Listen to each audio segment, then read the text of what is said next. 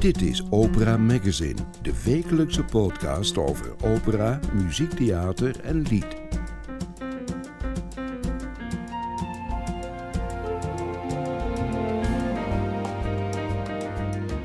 In deze aflevering van Opera Magazine hoort u Linard Vrielink, die zijn NTR zaterdagmatinee debuut maakt in de rol van Desiree in Fedora van Giordano. Hij kijkt er naar uit, vertelt hij vanuit Parijs. En we spraken Tom Goossens, die alweer verrast met de nieuwe productie van zijn schone compagnie. Ditmaal een bewerking van de opera Rigoletto van Verdi. Welkom bij Opera Magazine. De Nederlandse tenor Linard Vrielink is al drie maanden onderweg, ver van zijn huis in Berlijn.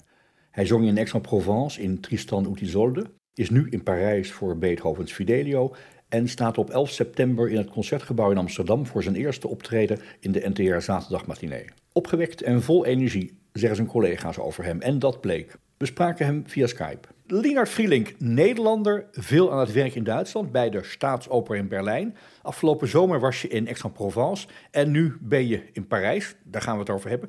Waar is thuis eigenlijk voor jou? Berlijn. Berlijn is wel echt uh, mijn thuis. Ik heb ook uh, in Berlijn gestudeerd. Dus ik ben in Amsterdam begonnen. Eén uh, jaar heb ik daar de bachelor gedaan. Daar heb ik bij het Harry van Bern gestudeerd. En toen heb ik de sprong gemaakt om, ja, ook de beslissing gemaakt om naar Berlijn te gaan. Om met Elisabeth Wers te studeren. Wat maakte dat Duitsland voor jou aantrekkelijk was? Nou, het heeft ook mee te maken dat ik kom uit een zangerfamilie. En ehm, mijn oom woont in Duitsland, Harry van der Plas. En hij zei altijd naar Linnard, als je echt uh, een, een, laten we zeggen, stabiele, goede carrière wil maken, is Duitsland gewoon een heel goede plek om te beginnen. En om daar gewoon zo vroeg mogelijk naartoe te gaan. Ja, maar kom er maar eens in. Ja, ja zeker. was wel een avontuur. Dus ik, uh, ik zat in Amsterdam en uh, ik, merk, ik merkte wel dat het, hoe ik me dat voorstelde, dat dat, dat nog niet helemaal was waar ik op gehoopt had. Ook qua de opleiding, uh, hoeveelheid lessen die je krijgt, um, al dat soort dingen, de hoeveelheid focus op ook producties, opera-producties, dat soort dingen. Ik merkte gewoon, oké, dit is niet helemaal wat ik, wat, wat ik me had voorgesteld. En ook niet in de zin uh, die uitdaging die ik zocht. Nou, toen is dat zo gegaan dat ik eigenlijk per direct, dus de eerste dag van het tweede jaar in Amsterdam, besloten heb: ik ga dit niet doen. Ik ga nu naar Duitsland. Uh, ik blijf niet in Amsterdam. Toen ben ik met mijn fietsje en twee tassen in de trein gestapt. En zo ben ik zonder iets naar Berlijn gegaan. En zo is het van het een het andere gekomen. Twee tassen en een fiets in de trein, dat is al gedoe trouwens als je in Berlijn komt. Waar kwam je terecht? Nou, ik had toevallig dus via een website uh, een, een woning gevonden waar ik dus met twee jongens uit Israël samen kon wonen.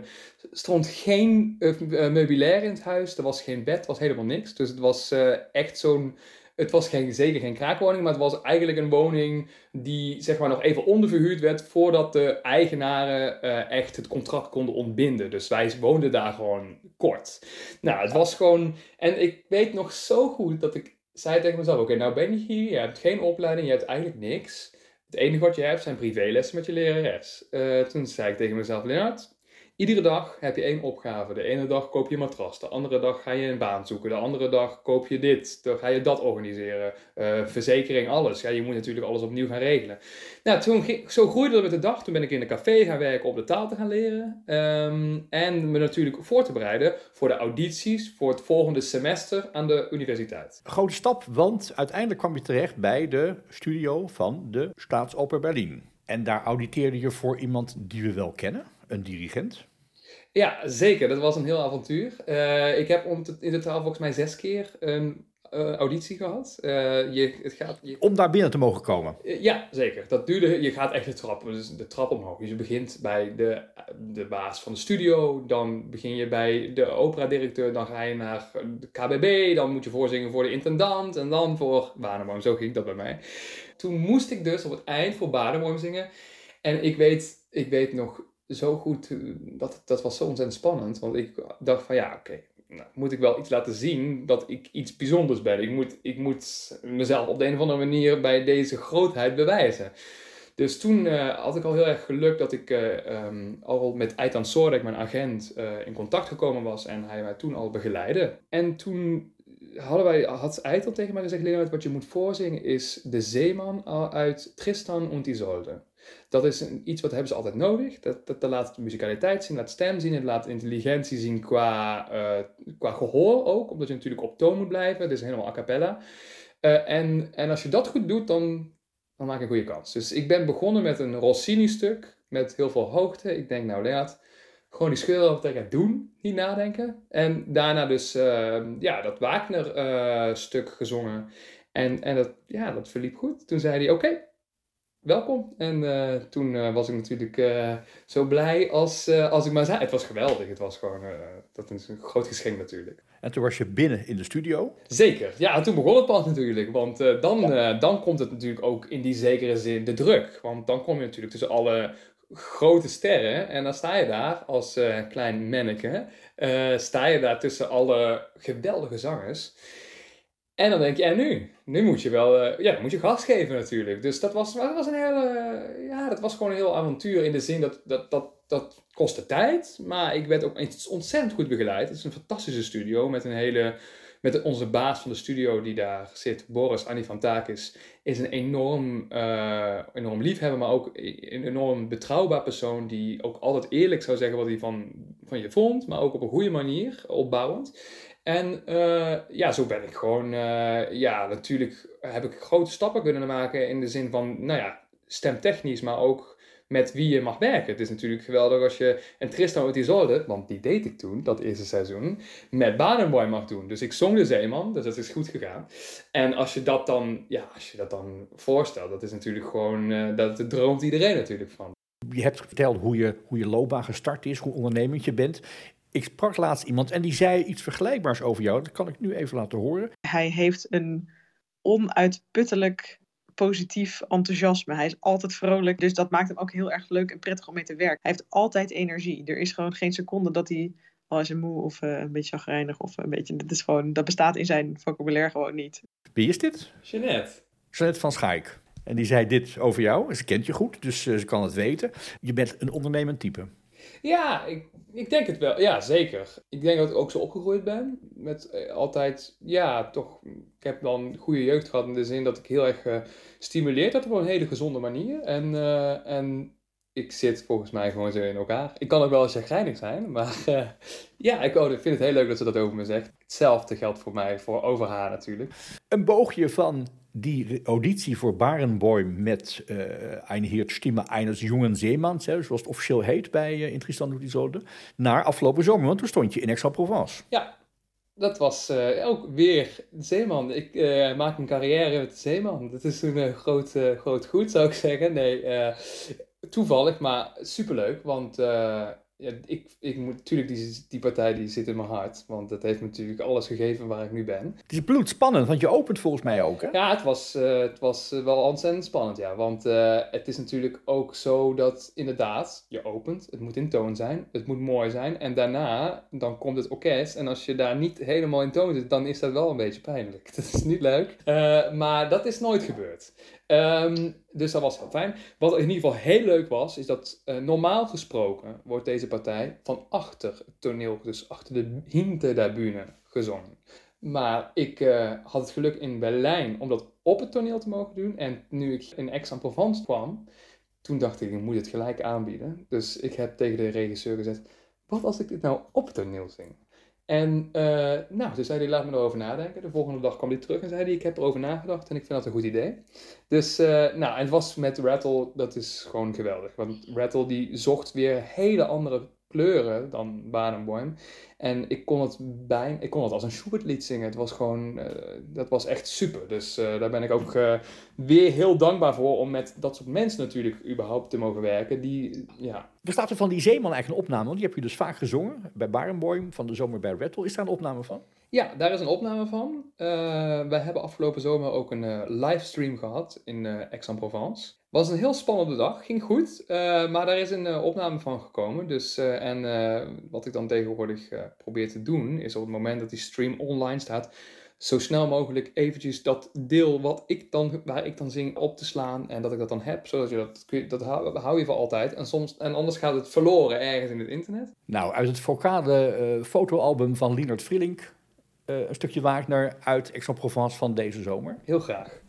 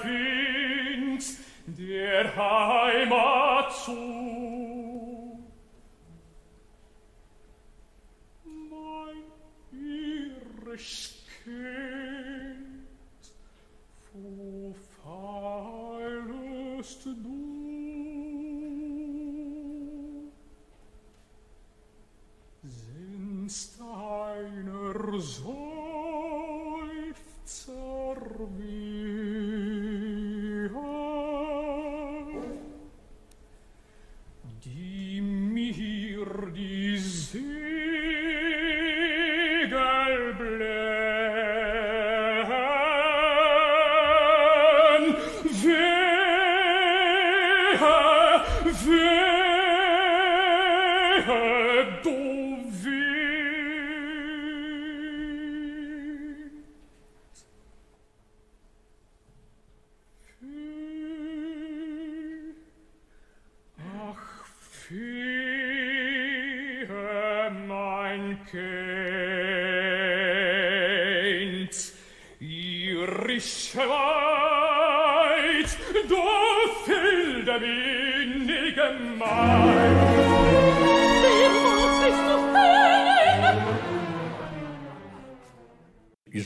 voor, voor Barenboim. Simon Wettel, die andere bekende Berlijner, zal ik maar zeggen, die, eh, die dirigeerde deze zomer. Simon Stone, de regisseur, die eh, gaf je de ruimte om ook zichtbaar te zijn. Het, het verwijst ook naar een vraag die ik heb. Je bent nog jong, nog geen dertig. Ehm, heb je, als je een kleine rol zingt, ook iets te zeggen over dat regieconcept? Want met name die Tristan en Isolde in, in Aix-en-Provence was nogal omstreden door die metro. Er is door Simon Stone heel veel ver- verbouwd aan de setting, aan de situatie, aan, aan de voorstelling van het verhaal. Heb je dan ook, als je een kleine rol zingt, daar enige greep op? En kan je dat ook je eigen maken, dat concept, die benadering? Nou ja, kijk, een kleine rol betekent niet een onbelangrijke rol. En dat is meestal eh, wat, hoe ik ook probeer te denken. Ook waar ik ook ben en ik zing een kleine rol, bijvoorbeeld ook in een Rosenkavalier, waar ik Haushofmeister van Fanina zong. Die heeft drie lijnen en er is niet veel te doen, maar ik stond wel anderhalf uur op het toneel. Dus je hebt heel veel te doen. En nu was het natuurlijk ook weer zo met Waak, met en Isolde. Ik stond de hele derde act op het toneel. Dus ik was aanwezig, eh, een groot deel van de opera.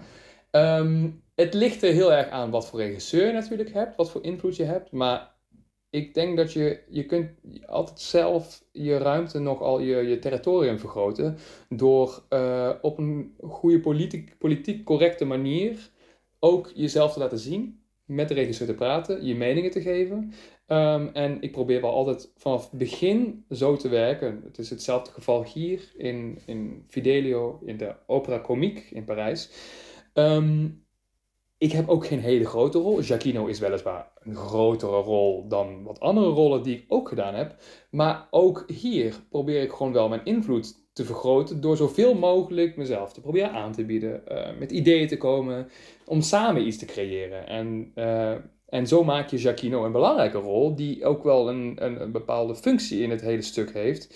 En die misschien veel spannender kan zijn dan dat die eigenlijk is als je hem zo zwart op wit zou zien. Frankrijk, Aix-en-Provence, nu Parijs. 25 september gaat die Fidelio in première, waar je staat met Siobhan Stijk, die ooit het Belvedere concours heeft gewonnen. En met een aantal anderen, met Michael Spires, andere tenor. Dat idee dat ervaren mensen je wat kunnen leren, is daar ook ruimte voor? Heb je ook ruimte om met mensen wat te sparren over je werk, over je stem, over je zang? Nou, ik zou, in dit geval zou ik eerder eh, praten over Albert Domen. En, eh, een zanger die natuurlijk echt een geweldige carrière gehad heeft en overal gezongen heeft. Ik ben heel close met hem. We hebben heel veel los samen. We praten over van alles. Over techniek. eh, over... Ik vraag hem natuurlijk alles, want ik wil weten hoe hij het doet. En het is natuurlijk geweldig als ik, als ik bijvoorbeeld aan het oefenen ben en dat iemand op de deur klopt. En dat iemand binnenkomt, Albert, en zegt, Leonard, super, super, laten we hier even aan werken. En dan eventjes dat we dingen doorgaan. Dat ik, ja, dat ik ook kan zien hoe hij dat doet. En in dit geval zou ik zeggen heel erg. In dit geval heb ik een, van, kan ik heel veel leren. Soms hebben natuurlijk mensen veel meer te doen, zoals in de productie als met, met Tristan. Kijk, die zangers die hebben het zo druk. Die- maar in dit geval is er wat meer ruimte daarvoor. En dan is het natuurlijk super dat je van dat soort mensen kunt leren. Dat is gewoon een, ga- een gift. Ja, dat, Ja. Een geschenk, dat kun, je, dat kun je niet in de zangles krijgen. Ik zag ineens dat je afgelopen winter tijdens corona een cyclus hebt gecomponeerd. Moments of Vision heet die. Kun je daar iets over vertellen? Uh, nou, het was zo dat in corona natuurlijk alles afgezegd werd. En ik toevallig een, uh, een hernia had door een ongeluk op het toneel. En dat kwam eigenlijk op een heel goed moment, uh, corona. Ik kon niet lopen, het was een drama. Terwijl ik op de grond lag, heb ik een hele cyclus geschreven voor vier mannenstemmen. Een, man, mannenkwartet, mannenkwartet. Uh, dus één bas, twee baritons en tenor bovenin. en die hebben we afgelopen zomer dus opgenomen. En ja, dat wordt echt super, super, super mooi. Ik ben ontzettend dankbaar. Want ik hou naast het zingen enorm van componeren. En ik wil daar zeker meer in gaan doen. Um, en het, ik, ja, ik zou heel graag al iets willen laten horen. Maar uh, officieel is het natuurlijk de CD nog niet uit. Dus dat kan ik helaas nu nog niet doen. Maar het is wel echt het is wel iets heel bijzonders. Omdat dan met vier vrienden, operazangers.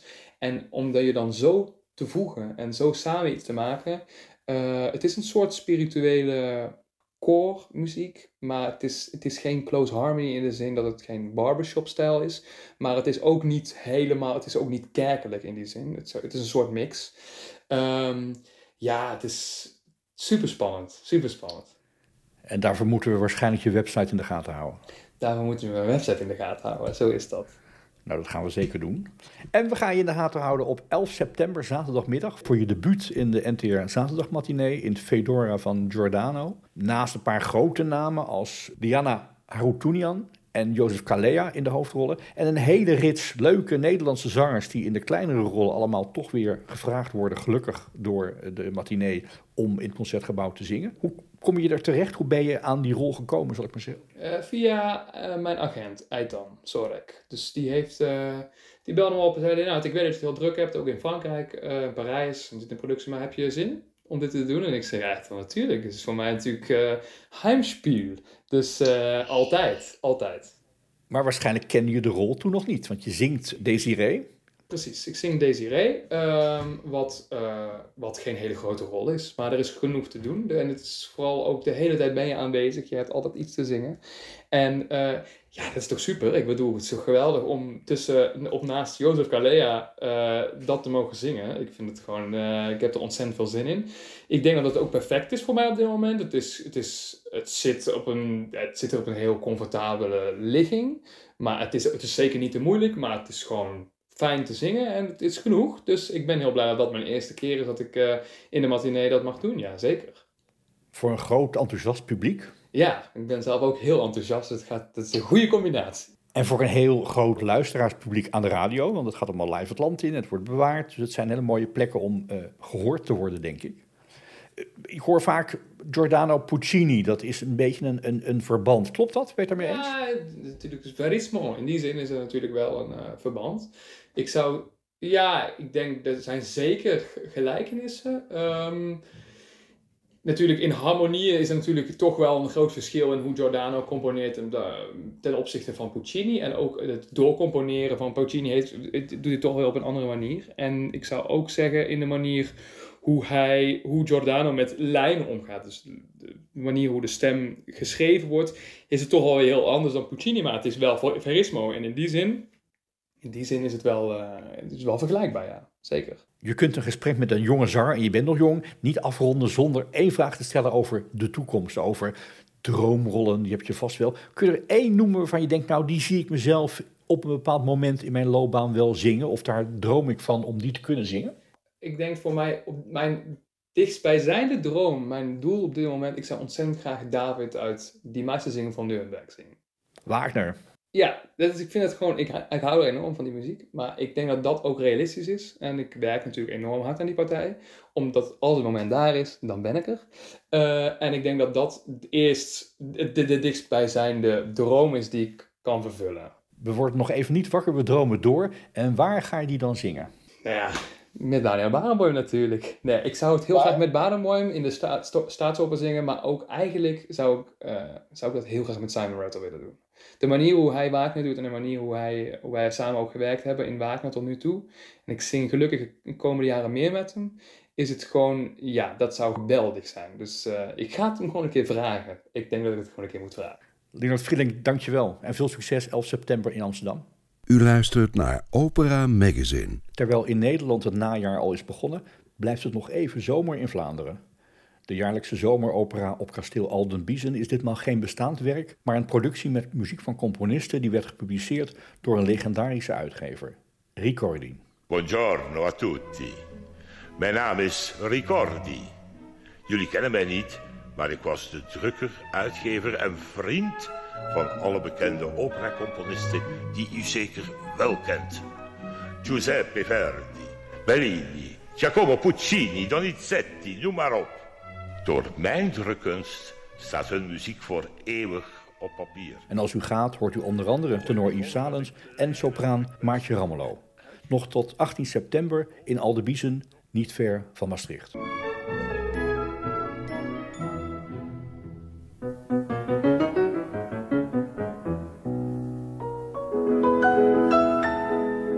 De Vlaamse regisseur Tom Goossens, die eerder zijn eigen versies van Mozart's Da Ponte-cyclus aan Nederland voorstelde, was afgelopen week op het O-festival met Rigoletto. Hij bewerkte in samenwerking met Compagnie Marius de opera Rigoletto van Verdi en het toneelstuk waarop die opera gebaseerd is, Le Roi s'amuse van Victor Hugo. De nieuwe Rigoletto is precies zoals het hoort, maar dan helemaal anders. Er is geen orkest, maar één piano. Er zijn zowel zangers als acteurs, maar een paar vaste waarden zijn gebleven. De aria Caronome, gezongen door Esther Kouwenhoven.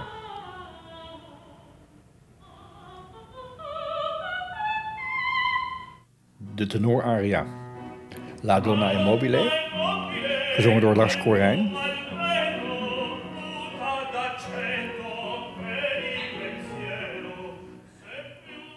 En het eindigt ook met een onweer. Net voor het tragische einde. Dat regisseur en ditmaal ook acteur Tom Goossens helemaal aan het begin plaatste van de voorstelling. We zochten hem op, meteen na het slotapplaus. Hij vertelt over deze Rigoletto en hij onthult wat zijn eerste grote zaalproductie wordt voor de Vlaamse opera. Net een voorstelling gespeeld, dadelijk de tweede. Heb je als regisseur een soort opwarmingsritueel eigenlijk Nee. met de spelers? Wel, met dat ik zelf meespeel ben ik daar eigenlijk niet mee bezig. Ik ben vooral met mezelf bezig, helaas. Ehm, nee, er is geen enkel ritueel. We zorgen wel, ik voel dat de spelers, maar dat komt niet per se van mij, maar bijvoorbeeld net nog eh, vlak voor de voorstelling begint dan Stefan over iets totaal anders, over een totaal onderwerp. Even luchtig gesprekje met iedereen. Moeten we er heel hard door lachen en eh, dan zijn we allemaal ontspannen. En dan voel ik mij wel goed. Dan denk ik, ah, dit doet ons wel goed. En dat is zoal, eh, al onze beste keren zijn altijd als er zo'n heel ontspannen momentje is, tot vlak voor we op moeten. We kennen je als regisseur van al die ontzettend leuke producties, eh, onder andere de Da Ponte-cyclus. Maar nu acteer je ook. Ehm, dat is een hele andere spanning, net voor de voorstelling. Ja, want ehm, als een voorstelling een tijd speelt, dan ben ik niet meer echt zenuwachtig. Zeker niet als regisseur, omdat ik niks moet doen. Maar nu moet je toch op scherp blijven staan. En als regisseur laat ik het sneller over aan de cast. Dat heb ik nu ook wel gedaan, maar je moet alleszins zelf nog wel eh, ondernemen. Hè. Eh, ik kan nu niet in de wijn vliegen. Ik moet straks opnieuw. Ehm, Rigoletto, de opera, maar ook het boek. Het toneelstuk eigenlijk van Victor Hugo. Ja. En ik merkte bij het kijken, we hebben de voorstelling net gezien, dat eh, je uit het boek bijvoorbeeld de namen ontleent. Want Gilda heet Blanche in de voorstelling. De namen zijn ontleed uit zowel de opera als uit het toneelstuk. Die Da Ponte-cyclus was vooral behoorlijk grappig. Dit is echt van een andere orde, want Stefan de Gant, die Rigoletto speelt, die brult echt de eerste tien minuten de zaal in. Dat is van een waanzinnige energie, waar wordt veel over geschreven door de recensenten. Dus het is een hele andere sfeer en er is toch te lachen. Ja, het is een tragisch verhaal eh, over een komisch figuur. Dat is eigenlijk wat Rigoletto is. Ehm, Rigoletto is een hofnaar, dus zijn job is om grappig te moeten zijn. Maar dus zijn vloek is ook dat alles wat, hij, wat hem overkomt grappig wordt bevonden. Nu, eh, dat is voor de wereld rondom hem, de hofhouding, andere personages. Maar voor het publiek is dat natuurlijk niet per se zo. Dus ehm, er, gebeuren, eh, er gebeurt iets tragisch voor Rigoletto. Eerst wordt zijn dochter ontvoerd, later wordt ze eh, vermoord. Ehm, ja, door die monologen van Victor Hugo te gebruiken, geven we toch wat ruimte aan de tragiek. Ehm, ook door de emotionele muziek van Verdi. Maar dan door de humor van Hugo, de rijm en de luchtige muziek van Verdi, ja, komt er veel uh, lucht uh, in de voorstelling. Want het is een bijna niet te beschrijven mengsel van humor, muziek, theater, drama, ontroering, uh, ontlading. Allemaal in die anderhalf uur van deze Rigoletto. Dank u, dat is fijn om te horen, want dat was de bedoeling. um, is het geworden wat je toen op die eerste dag dat je aan Rigoletto begon, achter je bureau, misschien achter je computer, wat je toen voor je zag, is dit geworden wat je toen had bedacht? Um, de grote lijnen wel, maar ik heb de bewerking ook niet alleen gemaakt. Uh, Integendeel, dus Compagnie Marius heeft, een groot, uh, heeft het, het, overgrote aandeel in de bewerking. Ze hebben uh, Victor Hugo wel in samenspraak met mij, maar vermengd. Uh, de Verdi-passages en zo, die heb ik erin gepuzzeld. Dus, maar de, de bewerking van, van, het, van het toneelstuk is van hen. Uh, het concept, um, om te beginnen met de vijfde acte, waar dat in de opera van Verdi begint het met de prelude die eigenlijk het eindmotief aankondigt. Dramatisch Wij, begin? Dramatisch begin. Wij hebben in plaats van enkel gewoon een prelude, de hele acte, de hele acte van Victor Hugo naar begin geschoven de vijfde acte. En dan met de eerste terug begonnen uh, tot, tot de dood van Blanche. Hoe kwam je um, tot die keuze? Want het is nogal een ingreep in de narratologie of in de, in de volgorde van het verhaal. Die keuze komt uit de muziek van Verdi. Namelijk, hij begint ook met het einde, in feite, maar dan later muzikaal. We hebben dat dramaturgisch, narratief gezien, uh, doorgetrokken, zijn idee. Je hebt een hele goede acteur, Stéphane de Gand, voor de rol van Rigoletto. Je hebt een hele goede Nederlandse sopraan, Esther Kouwenhoven, voor de rol van uh, Gilda of hier Blanche. Dat zijn grotere rollen, grotere stemmen, grotere aanwezigheden dan in die vorige producties. Is dat wennen voor jou als regisseur dat je mensen meer laat uitbarsten? Met name die Rigoletto, die barst uit al in die eerste tien minuten. Ja, uh, het is wel zo dat Stefan de Gant zo'n specifieke, zo'n specifiek karakter heeft, die ook nog eens zo hard bij die rol aansluit, dat hij iemand is die, die je niet moet regisseren. De, die, ja. Hij biedt veel aan. Ja, enorm. En het past allemaal bij de rol. En het heeft de juiste dosering dramatiek, humor, um, brutaliteit, uh, sterkte. Um, dus dat is allemaal een cadeau. Dat bouwt zo'n groot deel van de voorstelling. En dat is eigenlijk ook het concept. En dat is ook wat, daarom dat de titel Rigoletto is. Het gaat over die Rigoletto. Hij wordt te kijk gezet. Tegelijk pakt hij het aan. Hij pakt het ook vaak niet aan en daar moet hij voor boeten. Um, maar daarom zet ik hem ook op een plateautje in het midden. Het gaat daarover.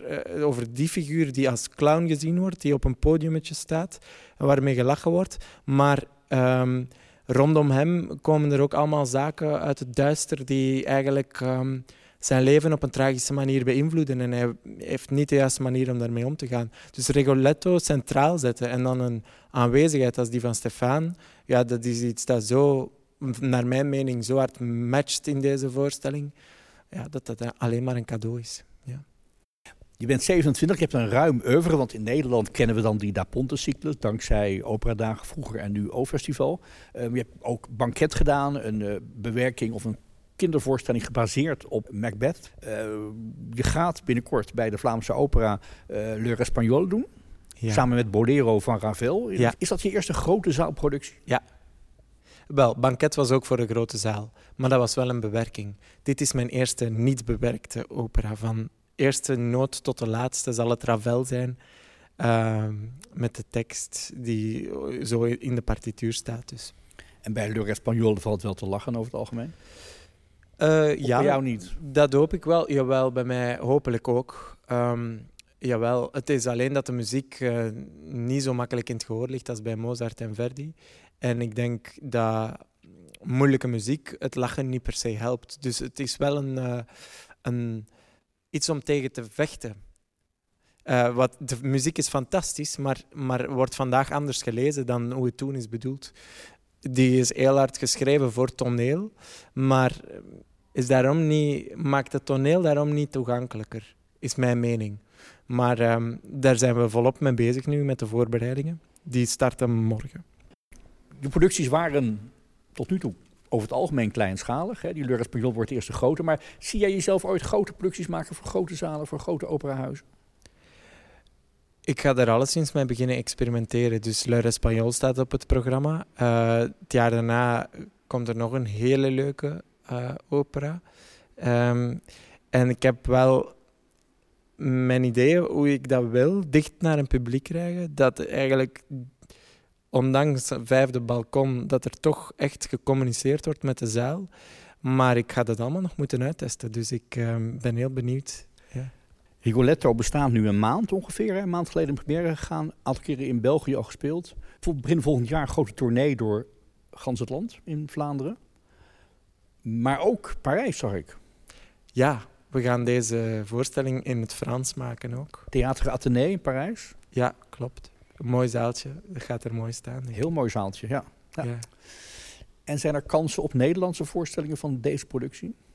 Ik hoop uh, eigenlijk op het O-festival nog eens te mogen staan. Want door de corona zijn de publieksbereik uh, is nogal beperkt. Dus uh, ik hoop dat de tijden veranderen en dat we terug vollere zalen kunnen en mogen. En Nederlands publiek kan gewoon naar België, naar een van die voorstellingen die op de site staan, of naar Parijs? Ja, zeker wel. Naar Parijs. Het zal in het Frans zijn. Um, maar nee, voor de rest zijn er geen plannen in Nederland. Maar is iedereen zeker welkom in Vlaanderen. Dan maar een stukje verder reizen. Tom Gozens, dank je wel. Heel veel succes met het regisseren van deze productie en het spelen al die voorstellingen. En dan gaan we in december naar de Vlaamse Opera in Gent voor uh, Le Espagnol en Bolero van Ravel. Zeer welkom. Dank je wel. Ja. Dit was Opera Magazine, productie François van den Anker. Meer informatie en de volledige opera-agenda vindt u op www.operamagazine.nl.